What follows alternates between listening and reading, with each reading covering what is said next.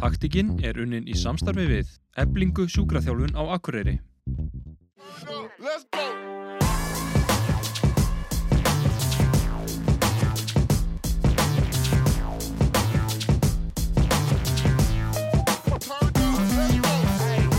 Já, komið sæl og velkomin í taktíkina. Hinga til mín í setti er komið góðan gest, það er hún Eilín Rós, sjúkraþjálfari. Hún greindist 13 ára gömul með sjúkdóminn Rauðir Úlvar. Hún ætlar að segja okkur frá sinni sögu og hvernig reyfing hefur hjálpað henni. Eilín, velkomin. Þú byrja bara að segja okkur aðeins frá svona því hvernig, já, þú ferði inn í það starfa að vera sjúkraþjálfari. Já, ég sem sagt hérna hef undanfærin ár haft rosalega mikið áhuga á hreyfingu og bara svona lífstílstengdum þáttum og eins og það er ég greinist þannig 13 ára gömul með eh, lúpus eða rauða úlvar sem er sjálfsánami sjúkdómur, gyktarsjúkdómur þannig að ég hef þurft að glíma við hans alltaf lengi og fann fljótlega þegar ég byrjaði að stunda hreyfingu eftir að ég útskrifast í mennskóla bara hvað hún hefur góð áhrif á mig og hvað hún hefur góð áhrif á líkamann og mér leiði bara miklu betur á þess að fatta það, á þess að tengja það eitthvað sérstaklega sko. Fór að læra íþróttahilsufræði á laugavatni og þróaði svo þaðan út í að átta mig bara á því að kannski sjúkraþjálfun væri aðeins meira mín deild. Kláraði samt á laugavatni, bara dásamlegt nám, bara virkilega skemmtilegt og kendi mér mikið. En skelli mér svo í inntökuprófið, pínu bara blátt áfram og kemst inn í sjúkraþjálfun og útskrifaðist þaðan í vor þannig ég er alveg glæni í starfinu sko. og, og það bara svona, já, þetta þróaðist bara í þessa átt, hálf ósálrátt sko. Þannig að núna er þetta einhvern veginn svona að reyna kannski að finna hvar þín sérþekking eh, liggur, eða sérhæfing liggur í, í sjúkraþjálfunni. Já, ég bara hef áhuga á öllu eins og staðan er núna, hvort sem það eru íþróttir eða verkjasjúkdómar eins og ég glými við, bara almenn meðsli sem að bara svona er daglegur gangur hjá fólki um, eða já, bara það sem að eiginlega bankar upp á sko. Segðu okkur frá þessum tímabúndi þannig að 13 ára þegar þú greinist, já þú ert þá að æfa skíði þannig að þetta hefur áhrif á þína íþrótt. Hafði þetta áhrif á fleiri þætti eins og skóla og annað í þínu lífi á þessum tímabúndi? Já, alveg vissulega þó ég kannski fattaði það ekki og ég veist, þarf alveg mikið að hugsa tilbaka en ég greinist þarna 13 ára gömul eftir mjög, mörg ár á veikindum, þetta voru þrjú að fjóra ár sem ég hef búin að vera svona flögtandi on and off, mamma búin að fara með mig til ótalagna og síðan kemur bara tímpunktur þar sem ég er bara að fá hita reglulega og ég er bara mjög veika þannig að ég er lögð inn hérna bandeildin Akureyri. Og í kjölfæri bara fer ég í gang bara fullt af rannsóknir og ég veist, minni mitt er mjög gloppótt á þessum tíma líka minn blokkirar svona erfiðar minningar sko.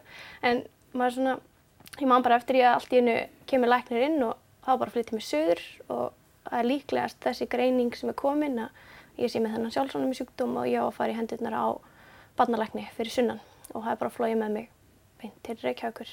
Þar líki ég líka inn í alveg þó nokkuð tíma og uh, það var bóðið mér eitthvað hérna veist, með skólan og að læra eitthvað þarna og ég, það meðin ég var að bata spílalum en ég tók bara prófin.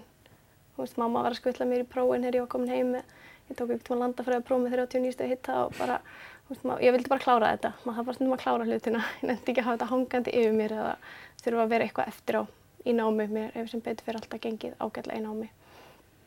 Og uh, ég bara fekk frábæna lækni fyrir sunnan sem að verkja stilti mig og stilti sjúkdóminn af.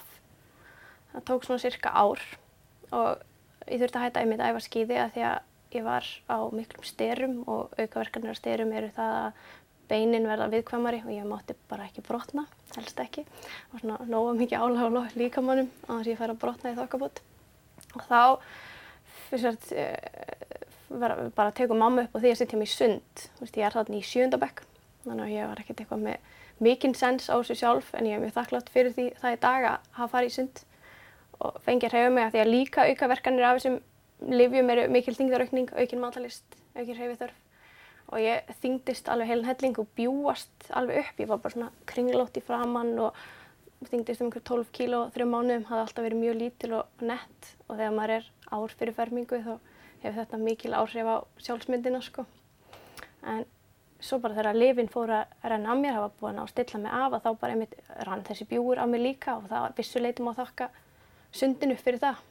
Af því ég held mér alltaf í hreyfingu og góðri hreyfingu og fekk þá strax í 9. og 10. bekk áhuga á líkamsrækt.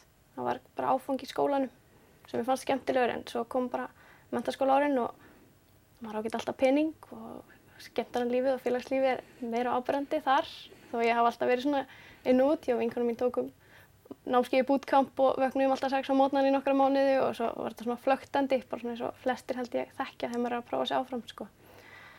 Þannig að það var svo ekki fyrir en ég útskrifaðist á mentaskóla sem ég fór að hella mér út í þetta betur sko. En þannig mitt kannski á þessum tíampóti, þetta er, er viðkomur aldur, rétt fyrir fermingu, það er þingdaraukning sem fylgir þessu og líka á þessum árum þegar maður stundar reyfingu, já maður kannski er ekki búin að pæla í því mjög djúft af hverju maður er að reyfa sig og þetta Nei. er kannski aðalpælingin er útlitstengt þegar Já. maður fattar ekki hvað þetta er að gefa mann í grunninn. Já, þetta var fyrst og fremst útlýstengt hjá mér en það er ég útskrifast þannig tvítugur mentaskóla og bara, samfélagi er bara búið að kenna okkur að við eigum að vera fitt og flott og það bara var fyrsti kvatinn hjá mér og er það hjá flestum held ég. En svo svona þróaðist það bara á þess að hafa verið einhver ákveðin tímapunktur og bara ég fattaði bara hvað þetta er að gera mikið fyrir mig. Þú veist, þó útlitið það er bara aukaðri það, það er bara auka pluss að maður er lítið betur út og er haustlegri og, og svoleiðis en sko í dag er maður meira veist, að fókusera á þetta heldur en að vera einhver x mörg kíló, eitthvað sem skiptir engu máli í stóra samhenginu sko. En reyfingin þannig fyrir þig, ég meina þú greinist þannig með sjúkdóm sem er ekki algengt að greinast með á þessum aldri, Nei. það eru kannski ekki meikla lausnir í bóði eða úrræði en, en reyfingin til staðar. Hreyfingin er til staðar og kannski þú veist, það eru nokkur ár síðan og ég myndi að var horrið rétt þarna hjá okkur mömmu að bara fara með mig í sund en ég myndi vilja grípa stelpu eins og mig sjálf núna og þá myndi ég vilja fá hana bara inn í sjúkarþjálfun og bara kenna henni á sig veist, því að þetta er stærsti hlutin af sjúkdónum er að læra á sjálfan sig. Líkamann og sín mörg hvað getur og hvað getur ekki. Heldur en að, að maður svona, já, þetta, maður þurfa að átta sér svolítið á sig sjálfur. Fyrir okkur sem þekkjum ekki nákvæmlega það að vera með sjúkdóm sem þennan, já það fylgja þessu verki, þú losnar ekkert við þennan sjúkdóm, þú ert bara með hann og þarfst að vinna með honum og það þýr að það þarf stundum að æfa með verki. Já, bara ég myndi ekki æfa ef, að, ef ég myndi sleppa því að æfa þegar ég væri í verkið sko. Þá bara væri engin æfing í gangi en mjög fáar allavega hana.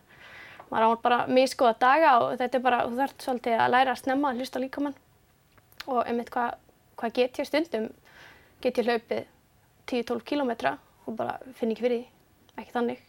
Eða vera að lifta, þú veist, er skemmtilegast að stunda styrtaþjálfun og lifta og stundum lifti ég þungt og ég er mikið að hoppa og ég er að kvíla lítið á milli setta meðan annan daginn þá bara þarf ég að gefa mér 5-6 mínútur og þannig að ég byrja upp á nýtt sko. Og það er bara þetta, að átta sig á því hvar, hvar er, hvernig ertu í dag eiginlega. Maður þarf bara að finna þann punkt, þú veist, stundum þarf þetta bara að vera að leta tegur á stofugólfinu sko. Eða bara líka í sófanum og gera ekki neitt. En maður má ekki heldur festast í að gera ekki neitt. Því að það gerir þér engan greiða sko. Maður upplifir nefnilega þannig að oft langar mann ekki æfingu, maður er þreyttur og vill ekki fara eða ég er með verki og þá hef ég afsökun til þess að fara ekki. Já. Þannig að sko, það að fara samt að æfa og æfa þá í takti við þar aðstæður sem ég er í akkurat núna, það er kannski það besta sem ég get gert fyrir mig heldur en að sleppa æfingunni. bara algjörlega, veist, og bara einmitt að koma, veist, halda rútínuðinni fyrst og fremst og bara koma að taka þína æfingu og, veist, í dag tek ég bara miklu léttara heldur en ég hefði gert annars, þú veist, ég held mig oft bara við sama æfingaplanið nema ég bara létti þingdir, kannski tek örlítið fleiri endurtekningar í staðinn, þú veist, eða ekki, þú veist, bara mæti mér þar sem ég er og, og reyna að kenna fólki það svolítið líka bara að mæta sér þar sem það er. Ég hef alveg komið á æfingu, byrjað að hjóla, tekið 20 mínútur og hort á einn þátt á meðan og svo bara fer ég heim. Því ég, ég er ekki upplöð fyrir meira í dag. En oft líka bara um leið og byrjar að hreyfa það og blóðflæði fyrir á stað þá líður þetta betur. Þú náttúrulega lundina, endorfínir gerir svo svakalega mikið fyrir okkur og ég tel að endorfín hafi bara mikil áhrif á verki líka. Og maður er bara svona, léttari verkurinn er ekkert farinn, sko. veist. En það ert ekkert með einhvern, einn verk hann er ekkert bara hér, alltaf. Verkirnir eru svolítið svona út um allt, þeir eru flöktandi. Hjá mér kemur þetta mest fram sem þreita, vöðvaþreita og, og þá bara, veist, það fer ekkert, það er ekkert að fara heldur á morgun. Ég get ekkert bara hangið heima og kvílt mig og verið í einhverju búblu að því með verkir, sko. Þannig kemur líka inn að við, fyrir hvern erum við að æfa? Erum við ekki að æfa í grunninn fyrir okkur sjálf? Við erum svo með þessa samfélagsmiðla sem er alltaf að tröfla okkur í því, við erum fann að bera okkur saman við einhverja aðra en við verðum að með þetta út frá því hvað hendar okkur. Já, þú veist, algjörlega og maður svona, þú veist, já, einmitt, hvað erum við að æfa fyrir? Þú veist, erum við að æfa fyrir einmitt okkur sjálfið, erum við að æfa fyrir einhverja aðra. Þú veist, við erum að æfa fyrir lífið, þú veist, ég er í fullri vinnu og ég er móðir og ég er ekki heimili og ég á mann í fullri vinnu og batn tómstundum, þú veist, ég get ekki bara að klára mig. Þú veist, ég get ekki bara eitt allir minni orku á æfingunni af því að þannig myndi samfélag, lúkar svo vel á samfélagsmiðlum, sko, þú veist, bara keira mig út og leikja eins og einhver spaði á gólfinu og, og geta svo ekkert meira, þú veist. Ég horfi á æfingu þannig og kenni mjög mikið á mínu fólki það að þú kemur inn á æfingu og eftir æfinguna átt að geta hugsað hvað, hvað hefði ég geta gert öðruvísi, hvað hefði ég geta gert einmitt betur, veist, hefði ég geta gert meira og þú átt svolítið að hugsa það, hvað get ég gert meira. Af því ef ég veit eftir æfingunni ég hefði geta gert eitthvað eins meira, þá get ég fungerað sem restina af deginum. Ef ég kláraði mig alveg á æfingunni, þá veit ég bara ég er alveg sprungin. Þannig virkar allavega fyrir fólk með verkefsjúkdóma og langunni sjúkdóma. Þú hefur ekkert sama orkulimit og heilbrur einstaklingur sem getur kert sér út, bara svo aðeins kvílt sér og svo er hann bara hann góður. Veist, ég prófaði crossfit og ég kerði mig út. Crossfit náttúrulega gengur svolítið út af það. Þetta er há ákveða þjálfin og bara kerir þig bara í gegn á 25 myndum eða 40 myndum eða hvað sem það er. Og svo lág ég bara og ég, veist, ég var bara heima að leggja mig eftir æfingar því að veist, ég átti bara ekki meira inni og fyrir meðaljónin þá virkar þetta ekkert veist, ekki allan eða þú ert með langvinna sjúkdóm og þarft að geta fungerar í fleiru, þú veist, ég vil geta unnið, ég vil geta synd barninu mínu og heimilinu á, á sama tíma stundar hreyfingu og æft þannig að svona, hvað er millivöðurinn, þú veist, einmitt, fyrir hvern ert að æfa, ert að fyrir, æfa fyrir lífið, þú veist, þú ert ekkert afreiksýþróttamæður sem að þarft að æfa fyrir eitthvað stórt þar sem þú þarft að keira þig út en við konunnar sérstaklega, veist, ég fæ meira til mín konur, veist, við þurfum átt okkur á þessu. Veist, það þarf ekki alltaf að, að sprengja sig. Sko. Lífið er ekki að snúast um það að sprengja sig.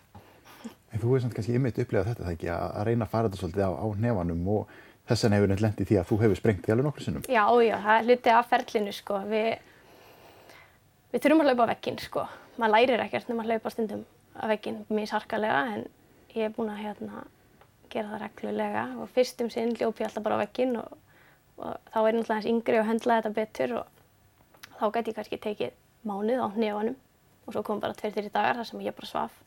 Ég vaknaði bara til þess að borða, fór á klósetti og svo læði ég mig aftur og gerði ekki mikið meira í nokkra daga bara meðan líka minn er að vinna upp þessa orku.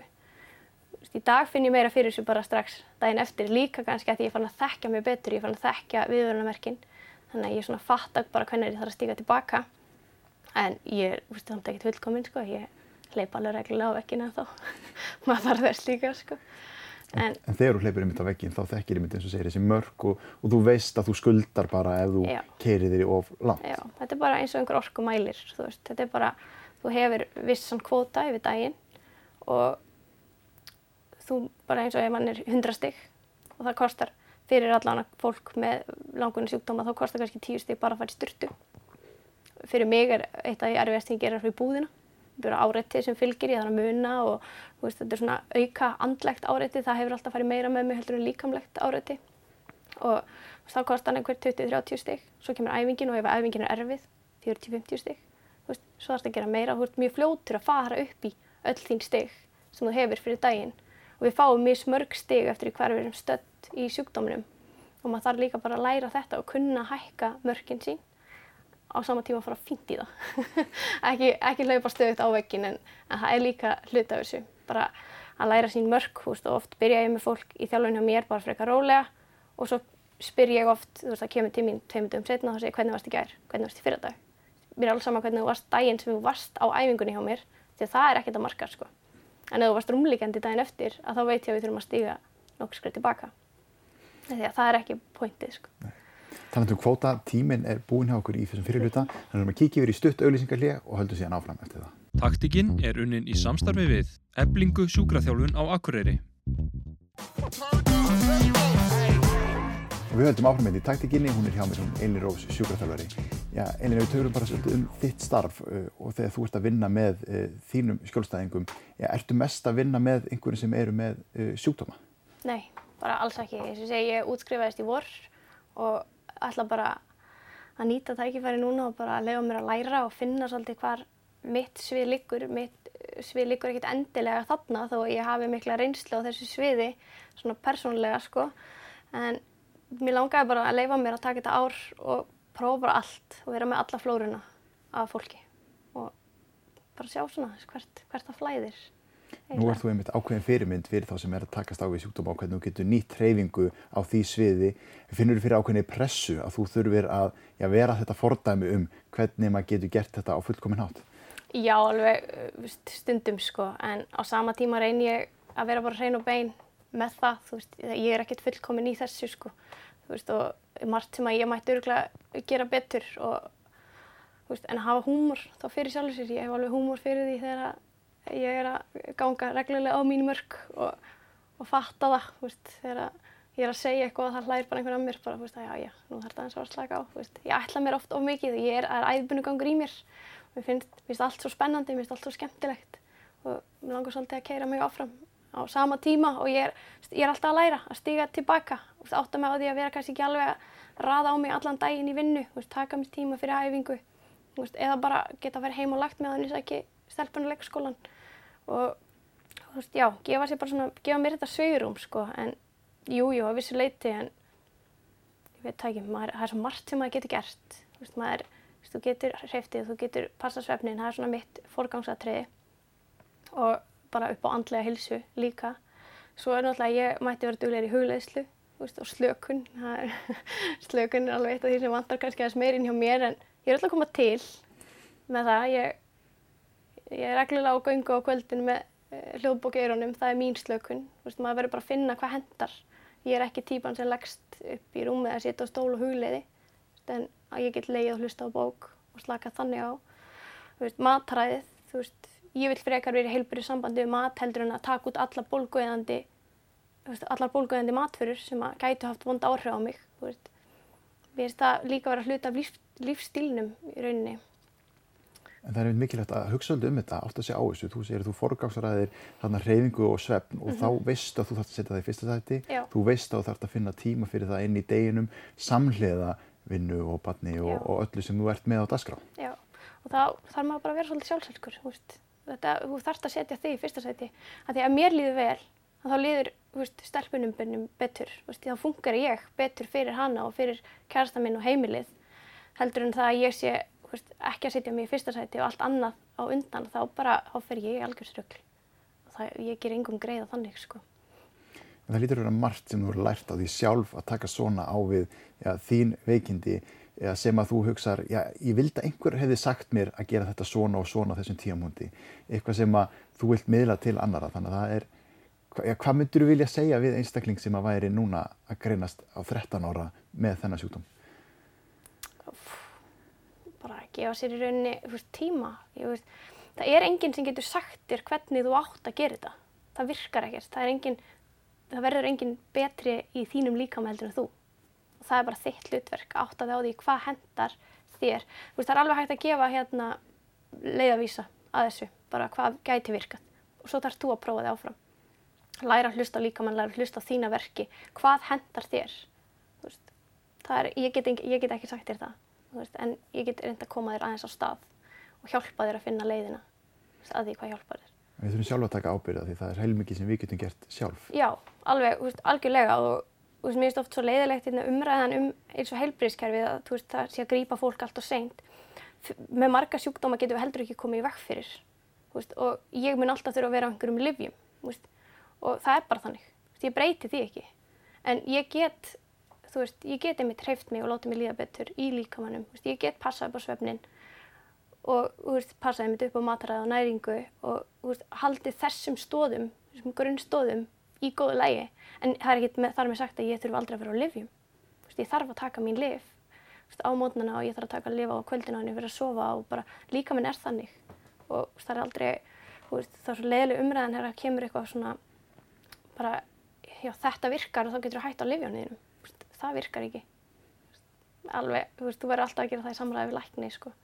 og þannig að þú þart að hlusta læknin gera það sem hann er að segja þér en á sama tíma þekkja þinn líkama því þú þarf líka að stýra þín eigin meðferð. Þú finnur það sjálfur. Hver er svona þín upplifun af því að vera með sjúkdóm sem er þetta fyrir utanakomandi ósynilegur?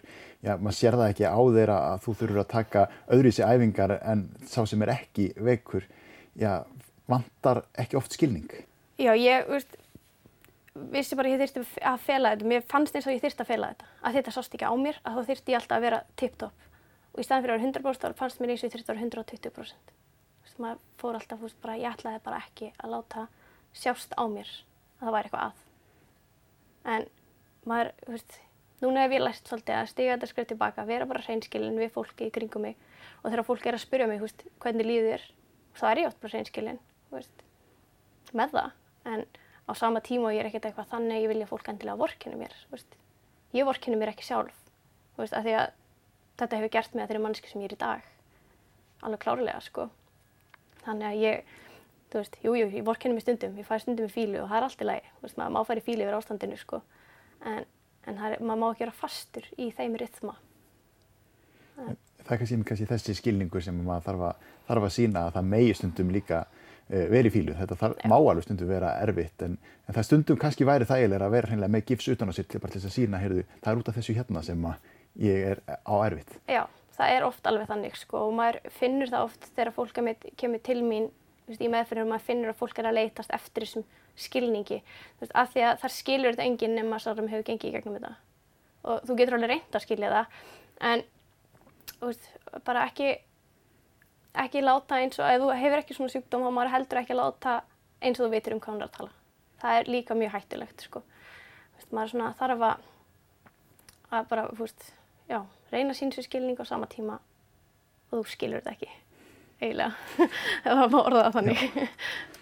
En eins og þessi hreyfing, ég menna, ef þú hefðir ekki ákveðið að fara þessa leif og ákveðið að reyna að láta lifin uh, vinna á sjúkdómunum í staðin, já, þú værir á allt öðrum stað í dag.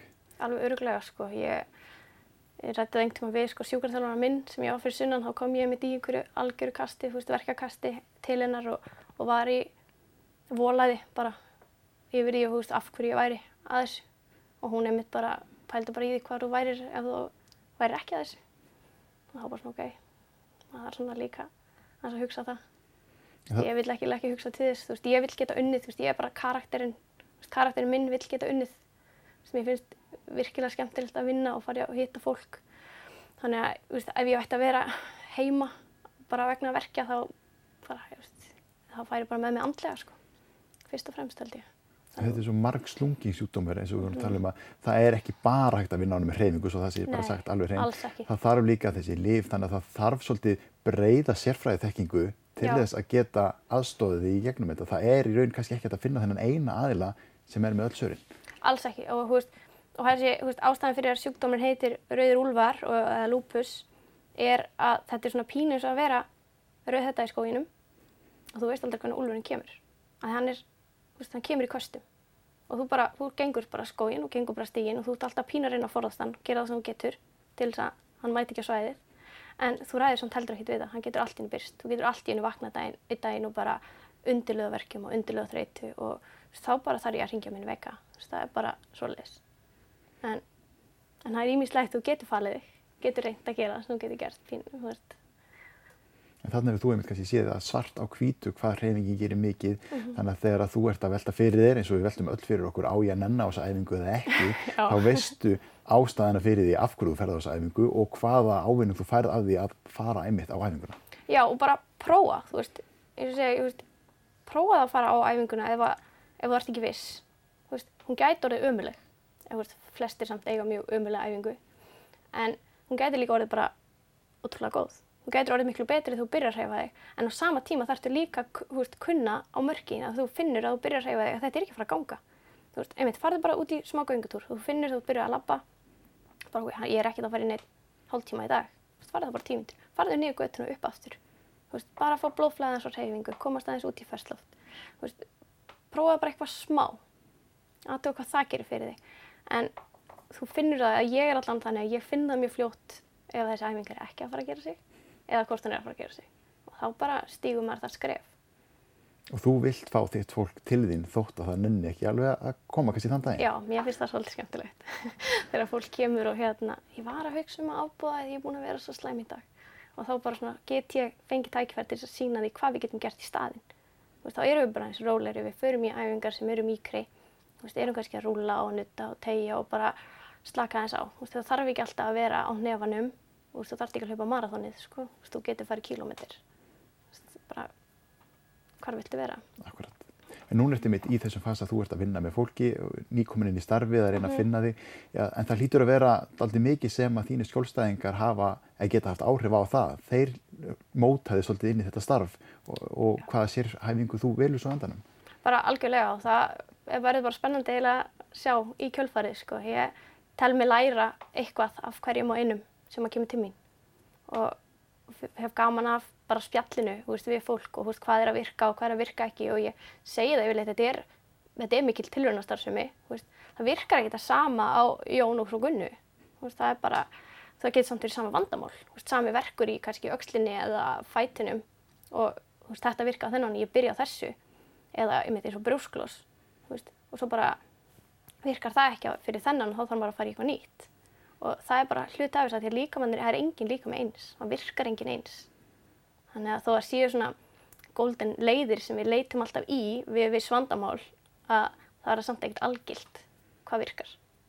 Þannig að þetta verður ofbúslega fjölbreytt starf. Já, sjúkraþjálfun er mjög skemmtilega því leitum til að bara fjölbreytt flóra fólki á öllum aldri, þú veist, ég með börnir í 9-10 ára og alveg upp í bara nýrætt og, þú veist, einmitt, allur skalinn.